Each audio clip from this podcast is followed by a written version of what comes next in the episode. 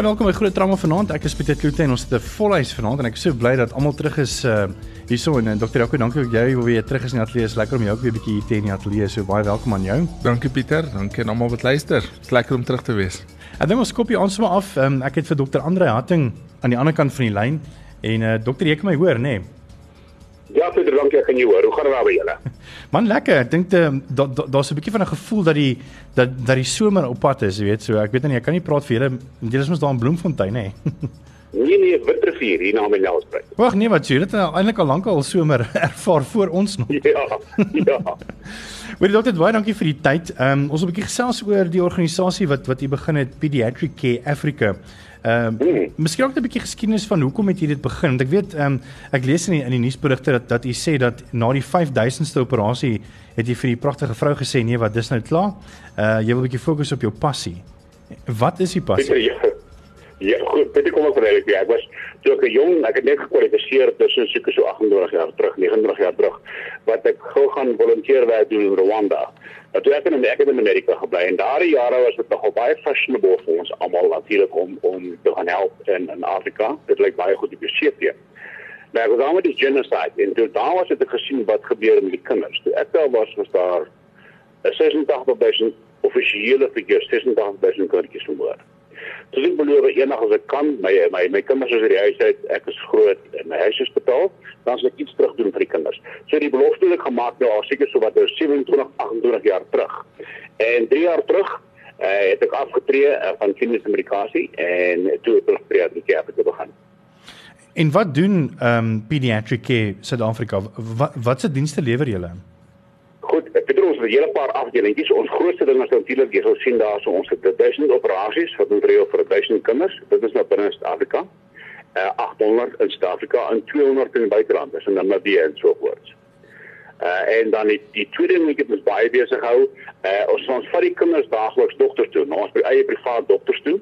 Uh en spesialiste toe as jy nou siek is, PT is siek, dan bel Pieter jou uh, ons en dan vat ons vir tyd PT dokter toe skryf sy medikasie, neem sy ekstra hulle uh, en so voort. Uh, en dan voer ons op natuurlik klein kindertjies wat ondervoed is. Ehm uh, so ons is 'n mediese organisasie meestal en dan uh gaan ons natuurlik uit na rampe toe, soos Idai, die sikloon Idai. Ons was vier keer in Mosambik gewees met die ramp. Uh, en natuurlik nou met die COVID ons mandaat sê dat as daar 'n nasionale disaster is dan dan diskrimineer ons nie net tussen die kinders en die volwassenes nie. So op hierdie stadium van van waar ons nou sit, uh voer ons 500 families elke 2 weke. Dit is naby 2.500 mense wat by ons kospakkies kry elke 2 weke. Sure, dis baie. Uh vir so gereeld. Ja. ja. En hoe werk dit? Ehm um, ek weet kan mense klop hulle net by die deure aan en sê hoorie ons wil kospakkies sê of uh hoorie ons kind se koöperasie of of hoe werk die proses? Hier het om die maniere die mense doen. Ek kom baie van die venitasies organisasies, uh, se baie mense in kontak met ons, dokters se baie mense in kontak met ons, die hospitale en dan kan die mense natuurlik net skakel. Uh en ons sê op hierdie stadium kom ons ongelukkig net Mpumalanga help, weens die die dokter met die grense. Uh hulle skakel ons kantoor en dan Surika, dis die dame in beheer van ons kantoor.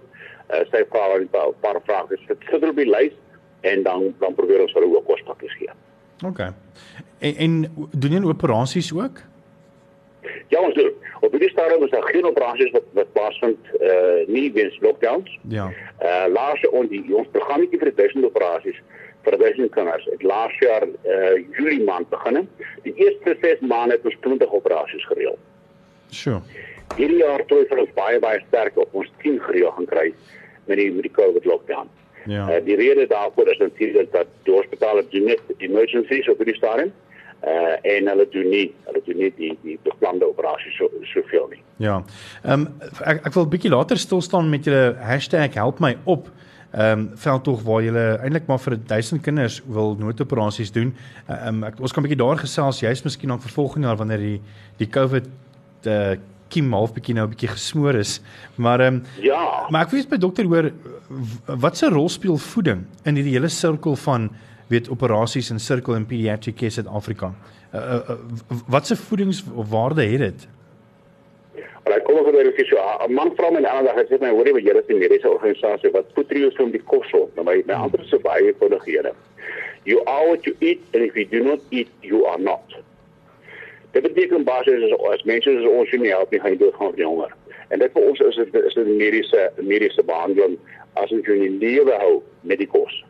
Sure. En op hierdie stadium is dit eerlikwaar baie mense mag staat op die kospakket wat van ons kry om in die lewe te bly. Dis nie vir 'n meer luxury nie.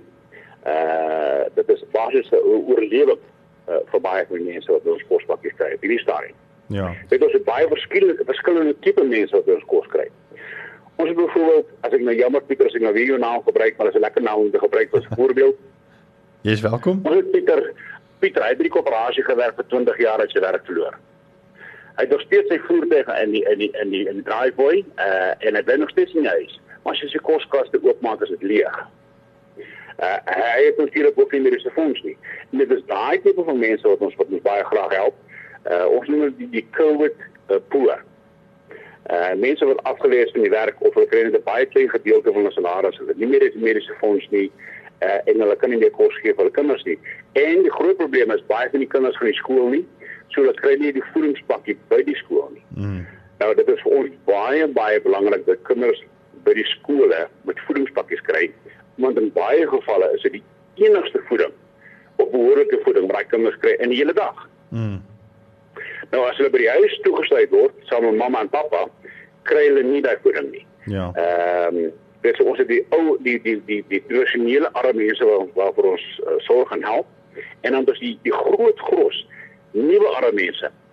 Uh middelklas mense wat hulle werk verloor het en hulle het regtig waar ons hulp nodig en ons is baie baie bly as mede-Suid-Afrikaners om die mense nie soos ek en jy is bietjie te kan help. Ja. Ag dis wonderlik.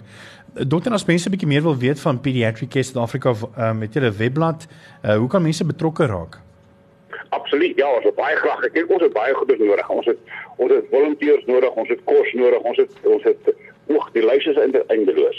maar as mense belangstel om by ons betrokke te raak of net selfs 'n bietjie te loer wat ons doen, uh, kan hulle gerus kyk na www.pediatricafrica.org en kyk op ons webwerf. Ons het ook ons het ook die die ander tekste Ehm um, ek weet my Afrikaans is baie wel 'n bietjie vrot.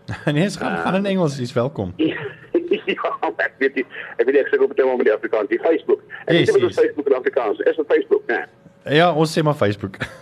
Facebook, Facebook, goed. Ons het 'n Facebook blaai en so voort waar mense kan kan kyk wat ons doen. En natuurlik as jy ook so betrokke raak, daar's 'n volunteer bladsy wat dit kan volunteer en ons het alle tipes volunteers nodig. Kom ek gee vir jou 'n voorbeeldjie as ek mag, Pieter. Ja. As ons mediese outreach doen, uh en dan is ons gewoonlik so 30 of 40 mediese of paramediese mense en dan so so 30 of 40 ander mense. Nou die ander mense is baie baie belangrik. Ons het nie maklike werk. Ons sit in die, die koelte in 'n kantoortjie. Die ander mense sit in die son buitekant by die stof. Hulle vul die vorms in. Hulle gee vir die kinders water, hulle gee vir die kinders kos, hulle verf die kinders se gesiggies. Hulle laai ons toilette op en toilette af en so voort. Ons het allerlei mense nodig. Hmm. Uh nie net mediese mense nie. Sjoe, klink interessant. So asseblief as het, ja, as jy luisteraars belangstel, luisteraars belangstel, miskien is 'n afgetrede dokter, afgetrede bankbestuurder, uh maak nie saak nie. Ehm uh, ons het almal se hulp nodig. Een van die tyd. Uh, dokter, dankie vir die tyd vanaand. Ehm um, ek gaan sommer net weer daai webblad gee as jy wil graag wil betrokke raak is pediatriccareafrica.org pediatriccareafrica.org. Uh, Dr. Harten, baie dankie vir die tyd en dankie vir die werk wat julle doen. Pieter, ek sê baie baie dankie. Lekker aand. Dankie. Dis Dr. Andre Hatting van uh, Pediatric Care Suid-Afrika of althans vinnig die foon afsit. Uh Jaco weet mos nou lekker nie multitasking in ateljee nie. Uh hy's van PD pediatriccareafrica.org.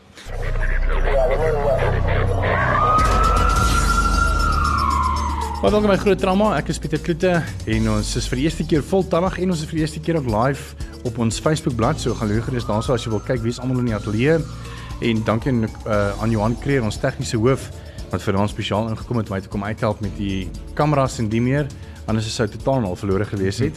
Uh Jaco is lekker om jou weer hier so te hê. Baie lekker Pieter. Dit is baie beter as om oor die telefoon te gesels. Verseker. Definitief. Net so vinnig oorsig, hoe lyk dinge tans in die hospitaal met COVID-19? Weet jy Pieter, ek is besig om versigtig optimisties te wees. Ehm um, deur te sê ek dink in die laaste week het ons regtig bietjie minder begin sien. Ehm um, ook in die intensiteit van die siekte van die van die pasiënte wat inkom.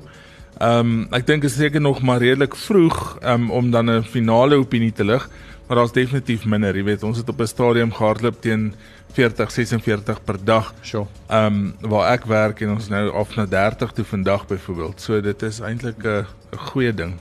Definitief. So, is dit veilig om te sê dat dit moontlik lyk volgens faces of ons 'n bietjie begin afplat of dink jy dis net omdat daar 'n backlog is van Nee, ek dink ons ons plat definitief 'n bietjie af. Um en ek wil dit sê, ons plat 'n bietjie af.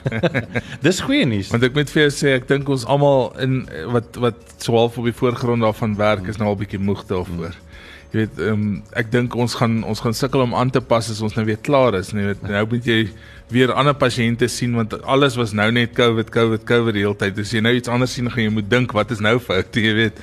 Ehm um, as dit nie 'n COVID geassosieerde klagte is nie. Ja. So ek dink ook ehm um, wat wat ons dalk volgende week oor kan gesels is is al die gevolge van COVID. Die ou wat nou dit gehad het, wat dit oorleef het, wat waarskynlik in 'n ICU gelê het vir vir 'n redelike ruk en wat is sy sy effek, of die effekte op hom fisies en emosioneel na hy dit oorleef het. Ek dink dis nog 'n groot ding wat ons dalk in die toekoms gaan besig hou eerder as COVID self.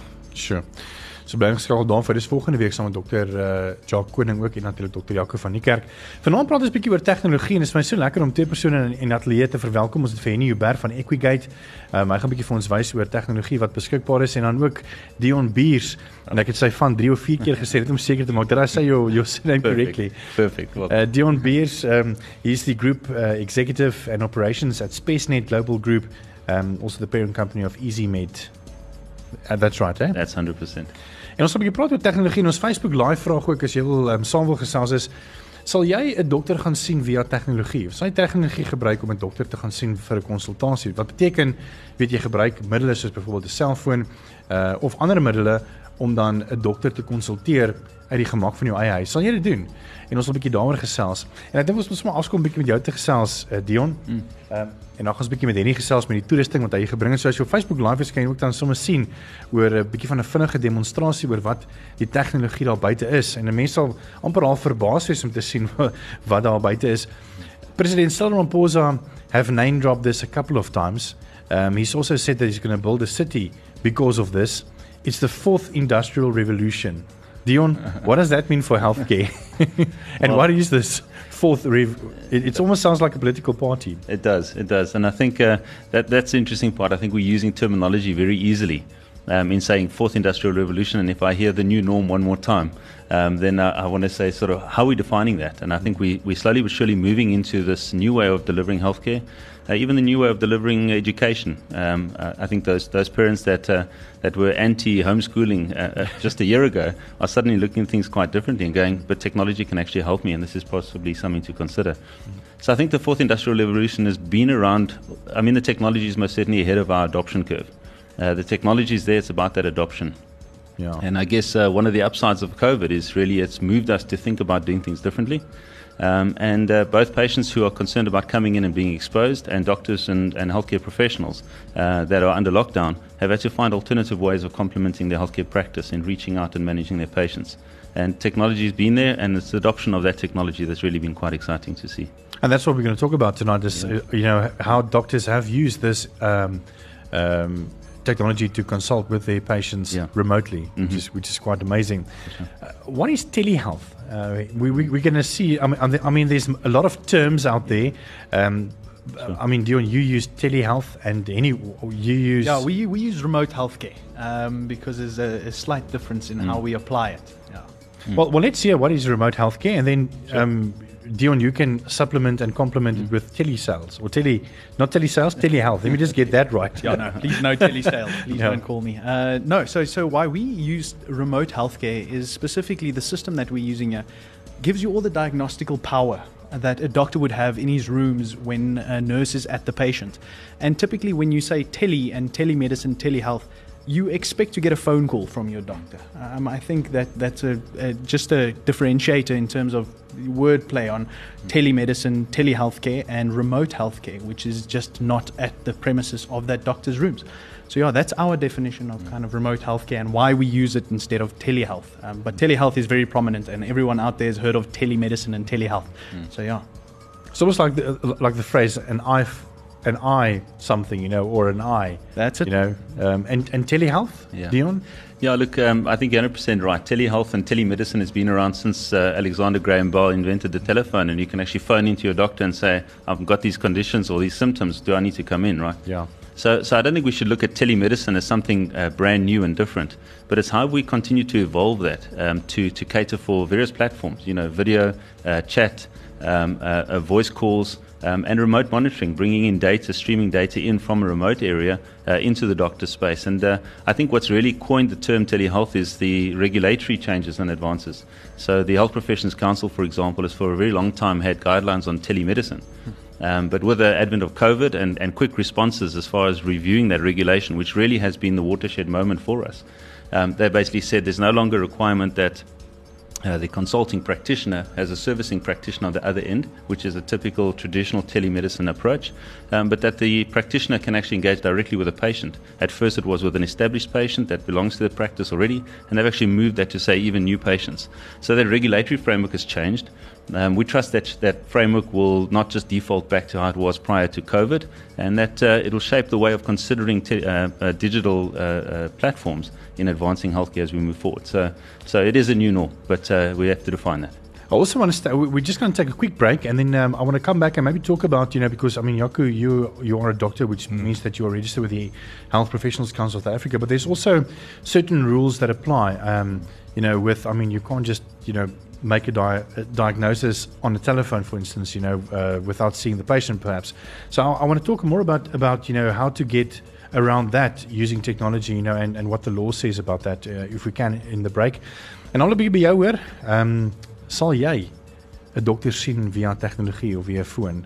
Nou weet ons op ons Facebook Live, ons is nou Facebook Live so uh, vir die eerste keer in amper 3, 4 maande wat lekker is. So antwoord ons daaroor, ons gaan 'n bietjie kyk na die kommentare.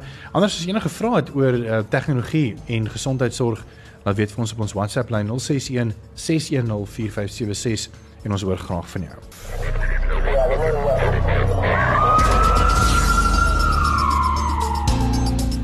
Welkom terug by Groot Trauma op Groot FM 90.5. So dis my bearings kry. Ehm um, ek het 'n uh, vol ateljee vanaand vir die eerste keer in wat 4 maande omtrent Dr. Jaco van die kerk is hierso en dan ook gaste, ek het vir Henny Huber van Equigate en dan ook vir Dion Beers. Hy is van EasyMed en ook ehm um, 'n ander maatskappy wat 'n baie lang naam het. Uh Global Group Executive Operations at SpaceNet Global Group. En EasyMed is natuurlik die die uh, parent company van die maatskappy. Dankie dat julle ook hier so is. Ons 'n bietjie gesels oor die um, fourth revolution of die fourth industrial revolution wat op almal se lippe is veral ons president Cyril Ramaphosa met sy sy um, nuwe tegnologiese stad wat hy wil graag bou.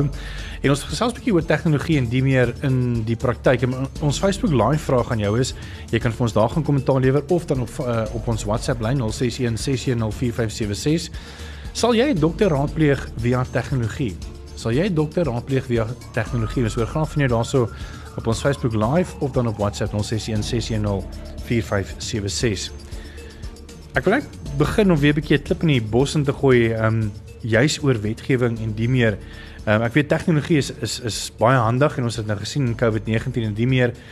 Maar Jaco, uh, van 'n dokter se perspektief af, jy weet, is daar verskriklik baie regulasies, weet moenies wat jy moet vol byhou wat die Health Professional Council van Suid-Afrika vir julle sê en natuurlik oor hoe jy diagnoses kan maak en sulke goede. Uh, hoe ervaar jy tegnologie en daai oorbrugging met dit? Want dit is 'n baie moeilike, dit is 'n baie fyn lyn. Ja, Pieter, ek ek dink nie ons kan sonder tegnologie gaan nie. Ehm um, ek het 18 jaar terug klaar gemaak en dit klink baie lank terug, maar toe ek klaar gemaak het, het ons actually nog dit as 'n kind ook gesien want ons het nie 'n sonar gehad nie. Ons het nog met uh, 'n maatband geloop en met jou vinger 'n lewer uitgeklop en jy het jou maates gedoen met 'n maatband op die oppervlak anatomie van die pasiënt.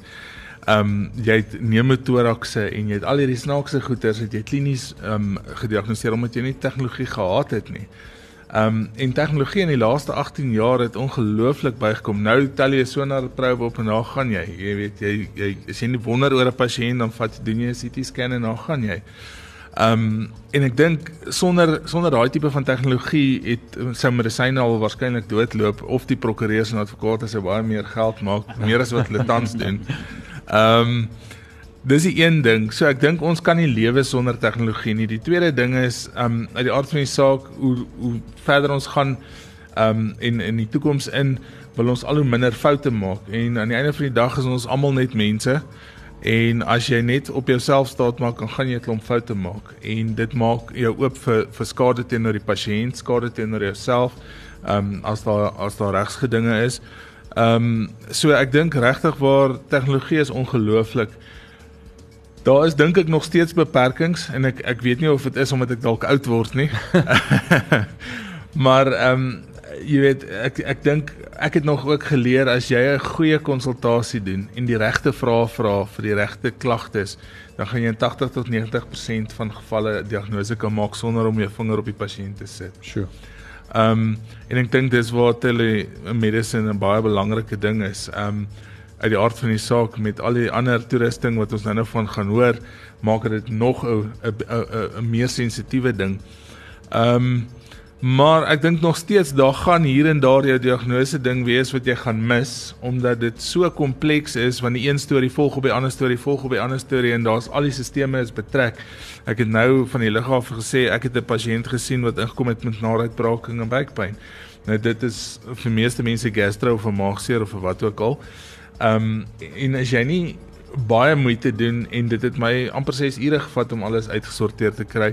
Het dit geëindig eintlik met 'n borskanker wat versprei het na die lewer, wat versprei het tot so 'n mate dat sy soveel pyn het in bene dat sy opiaat pyngoed gebruik het wat haar ileus gegee het wat beteken die dindarm het gaan gaan staan eintlik basies sy het 'n darmobstruksie ontwikkel en dis wat vir haar siek maak. Sure. So om by dit uit te kom, gaan jy redelik tegnologie moet gebruik. Wel ons het tegnologie gebruik, ons het gescan en gealles.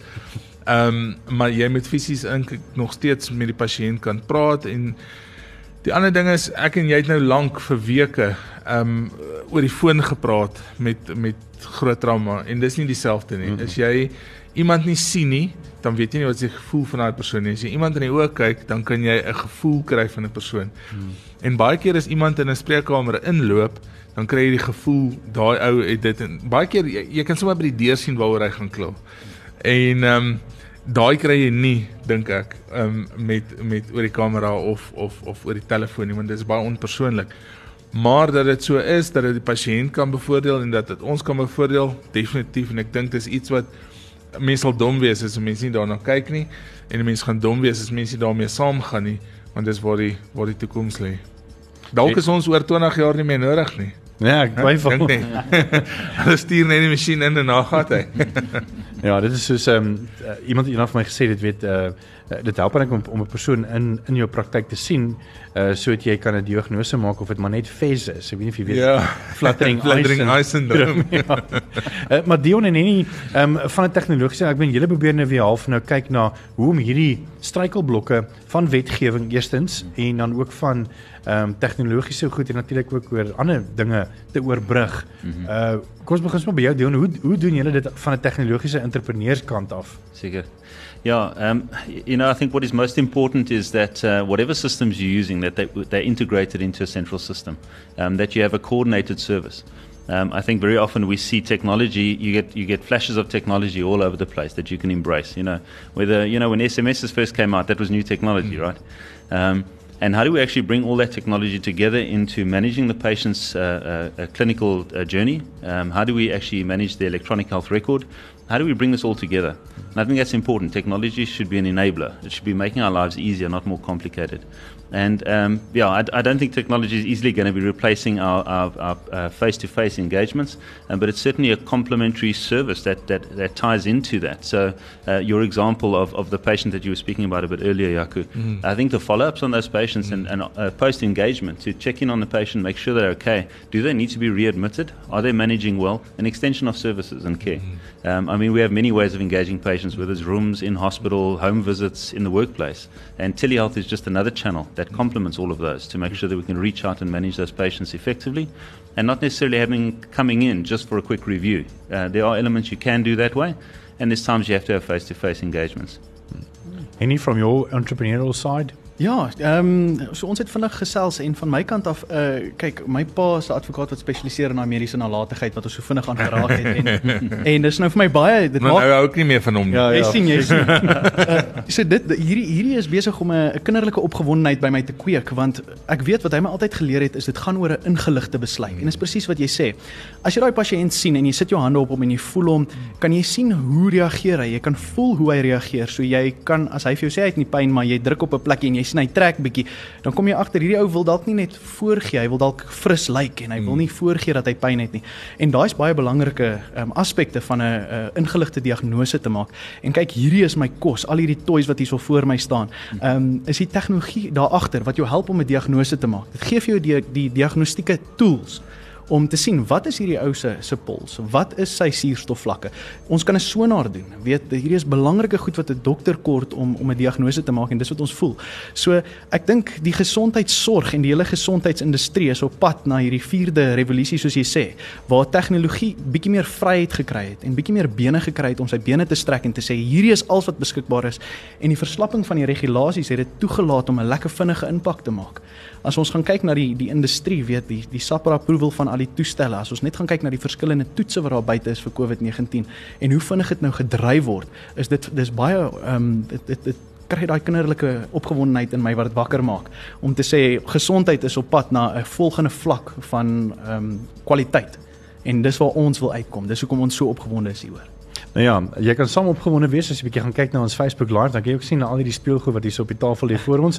Ons gaan net nou 'n bietjie gesels oor hierdie tegnologie wat doen hulle doen en wat hen hulle doen. En ehm um, en so 'n bietjie saam gesels en Jaco sal 'n bietjie kyk na van die ehm um, vrae wat hier gekom het en kommentaare op ons WhatsApp en natuurlik op ons Facebook Live. So bly ingeskakel daarvoor.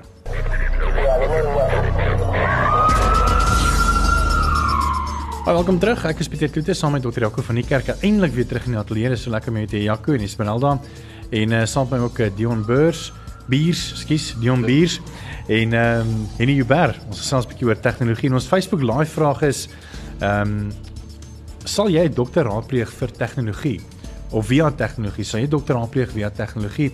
Ons gaan nou 'n bietjie kyk na na van hierdie toestelle. Jaco, daar's 'n paar kommentaare deurgekom op Facebook nie waar nie? Ja, Pieter, ek dink die mense is redelik verdeeld want Robert uh, Sonnepool sê nee, Wilna Oliver gesê definitief nie. Ehm um, dan is hier iemand wat op die draad sit, Andrei Potgieter wat sê nee, maar dalk in 'n noodgeval. Het ehm um, dan Cindy Jordan, ek dink nie dit sal regtig met alles so werk nie. Ek doen wel bloedtoetse by my nefroloog en hy bel my altyd met uitslae stuur dan sodoende my medikasie deur. Ehm um, en dan is daar 'n klomp mense wat sê ja, Jenny de Klerk sê ja, Amelia King sê definitief ja. Ehm um, daar is um, Leonie Leroux sê dokters ondersoek ons mos nou nie meer soos hulle moet nie. O. Oh. Ehm um, hulle luister net en dan maak hulle 'n diagnose. Ehm um, die meeste mense gebruik in elk geval dokter Google nou. Ek wil net vir haar sê is haar dokter dokter Google elke dag gebruik wat wat wat wat haar moet diagnoseer met sy vir dalk 'n ander dokter kry. Ehm um, Karen Zurich sê ja as dit nie anders kan nie. En dan ehm um, Cornel Oosthuizen sê sy gaan in elk geval en ek dink ek wil daar ietsiekie ook sê. Sy gaan in elk geval net vir haar voorskrif elke 6 maande vir bloeddrukpille. Sy het haar eie bloeddrukmeter. Nou, dit is waar en en 90% van tye sal jy net jou voorskrif weer kry. Maar wat teoreties moet gebeur is dat jy eintlik ten minste een keer per jaar 'n EKG moet kry, want daai eenmalige bloeddruklesing wat jy op jou monitor kry, ehm um, sê nie alles nie. Jou bloeddruk gaan op en af en jy het 'n hele ritme waarop jou bloeddruk werk en ons weet nie wat is jou piekvlakke en wat is jou trogvlakke of jou hoë en jou lae vlakke nie. So ons doen wat wat ek byvoorbeeld doen is elke 6 maande om urine te toets, kyk vir proteïene in die urine. Ek doen die EKG, kyk of jou linker ventrikel vergroot. Ehm um, en dit gee 'n baie beter idee van of jy onder beheer is of nie, eerder as net 'n bloeddrukmeter.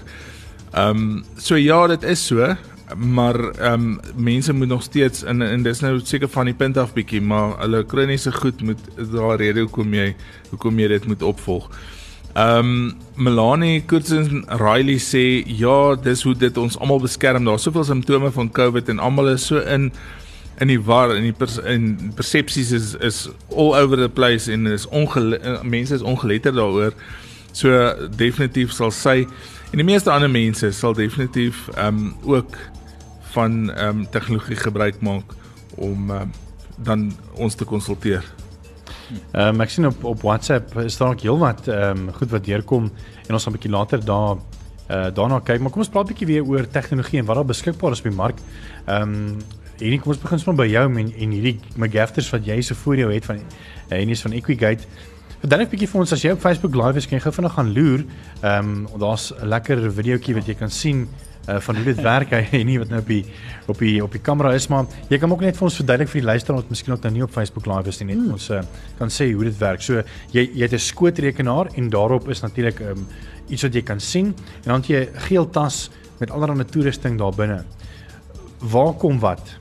Alright. So Pieter, die die geel tas wat hier so staan is 'n uh, praktyk in 'n boks. So soos die dokter nou genoem het ook baie keer met jou bloeddruk, kort jy EKG en hier binne is alles. Jy het 'n 12 lead EKG, stetoskoop, ons kan 'n sonaar konnekteer, ons het dermoskope, alles wat 'n mediese praktyk nodig het, wat jy in praktyk sou gedoen het om jou te help met die diagnose, kan jy nou doen met 'n suster by die pasiënt. So tipies hoef die dokter nie meer uit te gaan nie. Hy kan twee of drie susters in karretjies hê wat hierdie rondvat, um, of ons kan hom los by die ouer huis byvoorbeeld en hulle kan daarvan af direk die lewendige resultate sien. Hy kan vir die suster sê skuif die stetoskoop bietjie links, ek, ek hoor 'n klankie daarso wat ek bietjie meer wil in diepte inhoor en hy kan vir haar adviseer om presies hoe om dit toe te pas. So hierdie is is alles. Hy het 'n 360 grade kamera wat ook konnekteer reflekteer aan hom, so jy kan sien wat die omgewing is van daai pasiënt. En dit is baie belangrik, weet, soos julle sê, jy wil kan sien hoe lyk hy. Hoe hoe ervaar hierdie pasiënt alles wat hy mee besig is. En die lekker ding hiervan is hy vat alles, hy vat jou saturasie, jou bloeddruk en vir COVID-19 is dit vrek belangrik. Ehm um, weet jy moet weet hoeveel suurstof is daar in die bloed. Jy moet weet hoe doen hierdie pasiënt, hoe lyk sy trend? Is hy besig om dieselfde vlakke te toon in sy suurstofvlakke as wat hy histories getoon het of is dit nou besig om te vererger? En dis tipies wat ons hierso sien. Die dokter van sy kant af kan alles op sy skoot rekenaar sien. Hy kan sy vrae vra in terme van diagnose. Hy kan 'n lys vrae opstel vooraf. Ons het vorms wat uniek opgestel is vir dokterspraktyke na mate hulle dit wil bestuur. En dis belangrik want elke dokter het sy eie ek sou nie sê kenmerk nie, maar unieke manier wat hy sekere goeders toets en en wat waarvoor hy luister en hierdie is spesifiek opgestel om om aan al daai vereistes te voldoen. So dis hoekom ons ons soort van eerder gesels oor remote healthcare in steede van telemedicine want jy kort hierdie diagnose of ons voel ten minste dis belangrik om dit te hê om te help. Om my dokter net daai daai ekstra punt te gee om na te kyk. Uh soos dokter nou gesê het is weet jy moet een een simptoom lei na 'n ander ene, lei na 'n ander ene, lei na volgende check. Ons moet nou 'n verdere toets doen. Jou bloedtoetse moet gedoen word, jou urine toetse moet gedoen word. Ons moet 'n EKG doen en jy lei dit af soos jy vra vra en meer inligting van daai pasiënt uittrek. Hmm. En hierdie is maar net toestel om jou te help. So tegnologie is besig om lekker spronge te maak en hierdie is die voorfront. Net gefvra gevraag nou die skootrekenaar wat jy nou hierso het en mense wat nou op Facebook live is kan sommer sien. So daai is nou letterlik eintlik maar gewoonlik by die dokter in sy praktyk. En hy connect dan as jy nou die Engelse woord kan gebruik Wi-Fi om dan te connect na hierdie device wat nou by die suster is wat gekoppel is aan die pasiënt vir die konsultasie. En dan hierop kan hy nou die dokter enigiets sien. Ehm um, selfs 'n uh, ja, ons ons kyk nou net vir die wat nou nie inkyk op Facebook live nie. Ehm um, en hy's besig om met die kameraatjie te 'n nader inspeksie doen van sy vel. Ehm um, en dit lyk vir my as ek nou gou vinnige diagnose kan doen, lyk dit vir my nog baie fris en gesond, maar ek is nie 'n dokter nie en ek gaan nou nie disclaimer dingetjie gaan. Ehm um, Dion van julle kant af, julle doen nou weer die sagte ware wat dan half help um, hierdie harde ware goed integreer nie waar nie? Ja, absoluut. Ehm um, you know, when, when the Health Professions Council quickly responded and we found regulatory relaxation on, on telehealth and telemedicine and, and the new definitions thereof, um, we were able to respond very quickly with our, our in house development team and uh, actually flex our, our practice management systems, uh, both VeriClaim and uh, EasyMed, uh, to respond quickly to enabling telehealth. Um, and so, so, so we had to work within that framework. Uh, we obviously have to be very sensitive to patient data, security, the Poppy Act that we all know is in, in enforce, um, and ensuring that we cover all those legal requirements. Um, but within a, a, matter of weeks, we were able to integrate with a, a telehealth platform called Medici um, which is a USA based system, uh, actually started up by a South African who moved to the USA.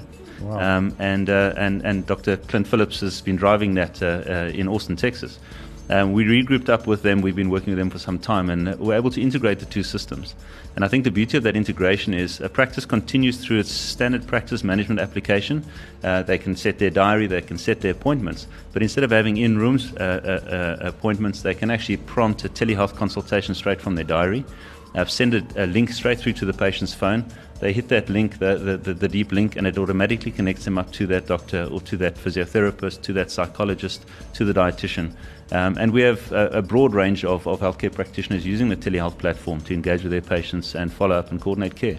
Um, and, uh, and I think what's most important is that when that telehealth consultation is complete, actually bringing that episode back into their practice management application. So you've got a history of that so that you're accountable for the care that's taken place, rather than reaching left and right to, you know, using other platforms that we know there's quite a few different uh, uh, uh, uh platforms we use for schooling and so on. But are they specifically for healthcare? And are they HIPAA compliant? Are they HPCSA compliant?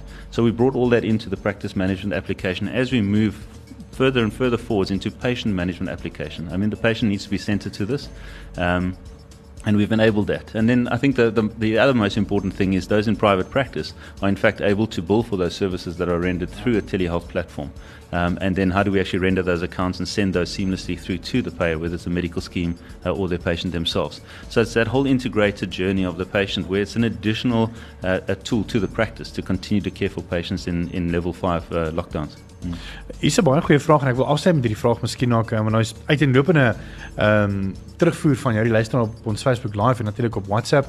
Ehm um, maar Johan wil weet, moet jy dan 3 keer die prys betaal? Jy weet jy betaal na die suster, die dokter en die tek.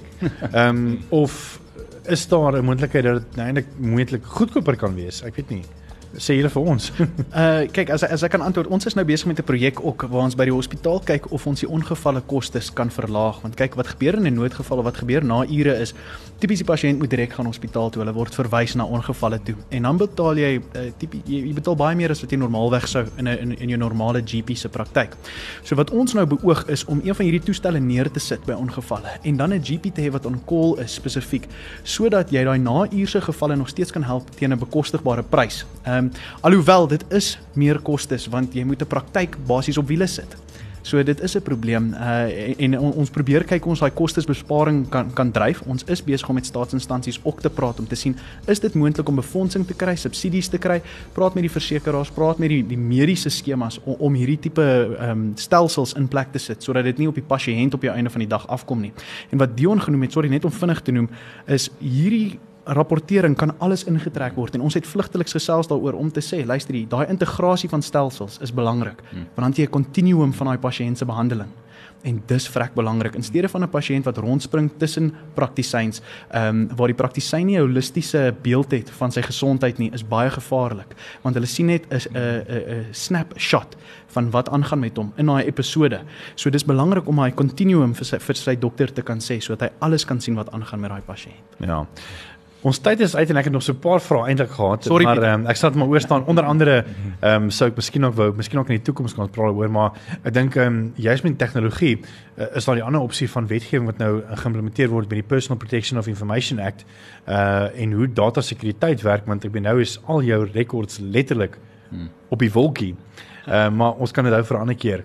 Uh weer eens baie dankie. Ehm um, miskien ook so nog so laaste woorde Jaco. Uh ek dink net, net net om vinnig terug te kom na wat ehm um, Henny gesê het van ehm um, julle wil probeer goedkoper maak in trauma eenheids. Ek meen, is dit nie maar die doel dat ek weet nie Jaco jy vir my sê, weet dat hulle miskien besigheid nou nou 'n ekstra verbandjie opsit want jy jy kry R5 wins daar en so maar nee nee nee ek grap sommer.